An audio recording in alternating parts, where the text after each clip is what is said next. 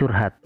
Ya, jadi kalau kita mendengar kata curhat eh, pasti semua orang juga tahu begitu dan sederhananya menulis juga seperti itu. Nah, ini adalah eh, bagian dari yang ketiga ya setelah di awal kemudian yang kedua kita membahas pertanyaan-pertanyaan yang biasanya muncul nah pada kesempatan kali ini kita akan membahas salah satu kata yang sebenarnya itu mencerminkan uh, kegampangan atau kemudahan kita untuk menulis yaitu salah satunya curhat.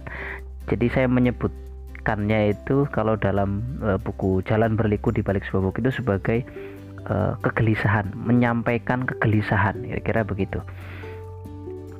Nah uh, sebagian besar kita ya atau sebagian besar orang itu menganggap bahwa menulis itu seperti menyusun pasal ya bab demi bab pasal demi pasal. Layaknya uh, karya ilmiah layaknya jurnal ilmiah misal begitu. Layaknya tulisan-tulisan berbobot yang uh, bersifat ilmiah memiliki banyak referensi dan sebagainya. Jadi seolah-olah pikiran kita selalu ke arah sana. Padahal menulis itu paling sederhananya adalah bagaimana kita bisa mengungkapkan kegelisahan, keresahan, pikiran, ide-ide apa yang yang ya kita ingin ungkapkan begitu. Nah, makanya tadi saya menyebut kata curhat.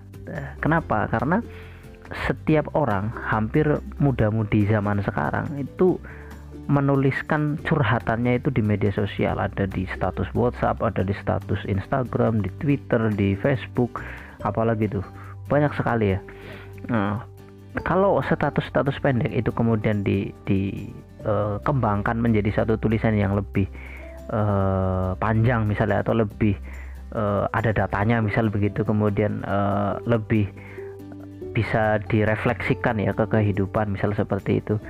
Kan itu menjadi satu yang bermanfaat ya kira-kira kan seperti itu. Artinya uh, semua orang itu bisa menulis. Maksudnya dari sini dari kata curhat itu bisa kita pastikan bahwa semua orang bisa bisa menulis. Ya, hanya perlu dilatih saja. Ya, kan seperti itu nah sekarang mungkin pertanyaan selanjutnya lah.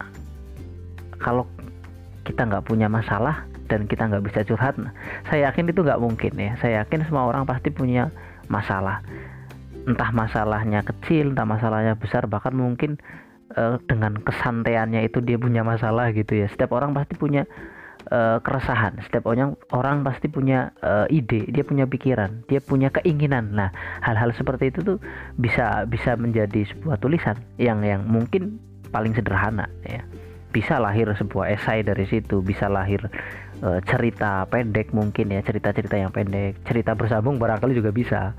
Bisa juga menjadi tulisan-tulisan uh, berseri misal begitu jadi banyaklah yang bisa bisa kita lakukan dari dari mengungkap kegelisahan itu nah satu kata curhat tadi itulah yang kemudian bisa membuat kita uh, menumpahkan banyak karya nah, sederhananya begitu nah sekarang tentu yang bisa kita lakukan adalah ambil kertas kemudian tuliskan curhatan kita masing-masing. Nah, kalau nggak punya kertas ya gampang lah.